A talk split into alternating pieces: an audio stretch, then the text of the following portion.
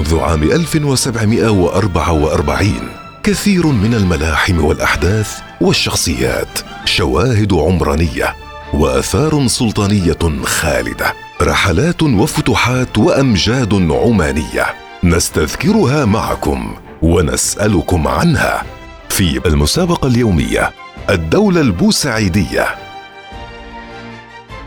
السلام عليكم ورحمة الله وبركاته. أهلا وسهلا بكم مستمعينا الكرام.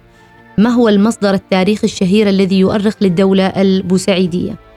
الفتح المبين في سيرة السادة البوسعيديين يعتبر من أهم وأشهر المصادر التاريخية التي تؤرخ للدولة البوسعيدية. هذا المصدر من تأليف المؤرخ والأديب العماني حميد بن محمد بن رزيق بن بخيت المشهور بابن رزيق. في هذا المصدر التاريخي يؤرخ ابن رزيق لتاريخ عمان عموما من خلال ثلاثة فصول مع تخصيص المساحة الأكبر للدولة البوسعيدية. فالفتح المبين يتتبع نسب السادة البوسعيديين ويؤرخ لبداية حكم الدولة البوسعيدية بدءا بمؤسسها الإمام أحمد بن سعيد ثم الإمام سعيد بن أحمد فابنه حمد بن سعيد ثم سلطان بن أحمد.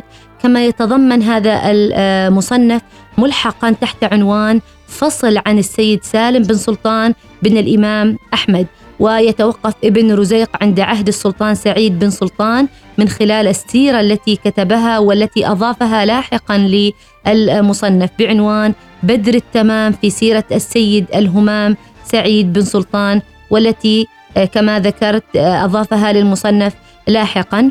وكنبذة بسيطة عن المؤلف آه، ابن رزيق. نال ابن رزيق مكانة خاصة لدى السيدين محمد وحمد ابني السيد سالم بن سلطان. وألف ابن رزيق كتابه الفتح المبين في سيرة السادة البوسعيديين بسبب سؤال سأله السيد حمد بن سالم عن سيرة الإمام أحمد بن سعيد فكانت إجابته هذا المصنف التاريخي المهم. طبعا تواصلت علاقة ابن رزيق بالأسرة البوسعيدية فكانت تربطه آه، علاقة آه، جيدة بالسلطان ثويني بن سعيد وابنه السيد سالم بن ثويني وأهدى السلطان ثويني مخطوطة الفتح المبين للقس بادجر الذي قام بترجمتها تحت عنوان تاريخ أئمة وسادة عمان. وكان لهذه الترجمة فضل كبير في تعريف الأوروبيين بتاريخ عمان.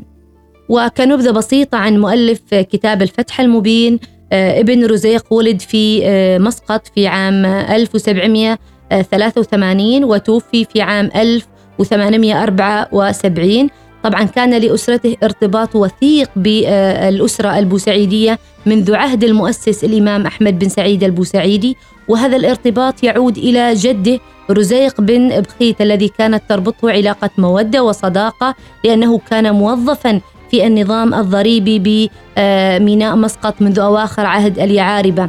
آه، تولى محمد بن رزيق مكان أبيه في الفرضة على قلم الحساب وكان وكانت له مكانة ومنزلة عالية عند السيد سلطان ابن الإمام أحمد بن سعيد فكان من الشخصيات التي يستشيرها ويأخذ برأيها. كما كان أيضا تجار مسقط وأكابرها يجتمعون في مجلس محمد آه، بن آه، رزيق. وكان لحميد بن محمد بن رزيق مؤلف الفتح المبين ما كان لجده ووالده من المكانة والحظوة. فكانت علاقته قوية بالسيد سالم بن سلطان ابن الإمام أحمد بن سعيد وكان صاحبه كان يسمر معه ويستشيره كما كان يصحبه في معاركه وحروبه. وبصفة عامة يعد الإنتاج الأدبي والتاريخي لابن رزيق غزيرا والمطبوع من مؤلفاته حتى الآن الفتح المبين في سيرة السادة البوسعيديين والصحيفة القحطانية. والشعاع الشائع باللمعان في ذكر أئمة عمان والسيرة الجلية آه، المسماة سعد السعود البوسعيدية وسلك الفريد في مدح السيد الحميد ثويني بن سعيد وديوان ابن آه، رزيق. ولا زال بعض إنتاجه مخطوطا لم يطبع مثل سبائك اللجين وقلائد المرجان في مدح الشيخ ناصر بن أبي آه، نبهان ونور الأعيان وضوء الأذهان في مدح الشيخ محسن بن زهران. السلام عليكم ورحمة الله وبركاته. نلقاكم في الحلقة القادمة.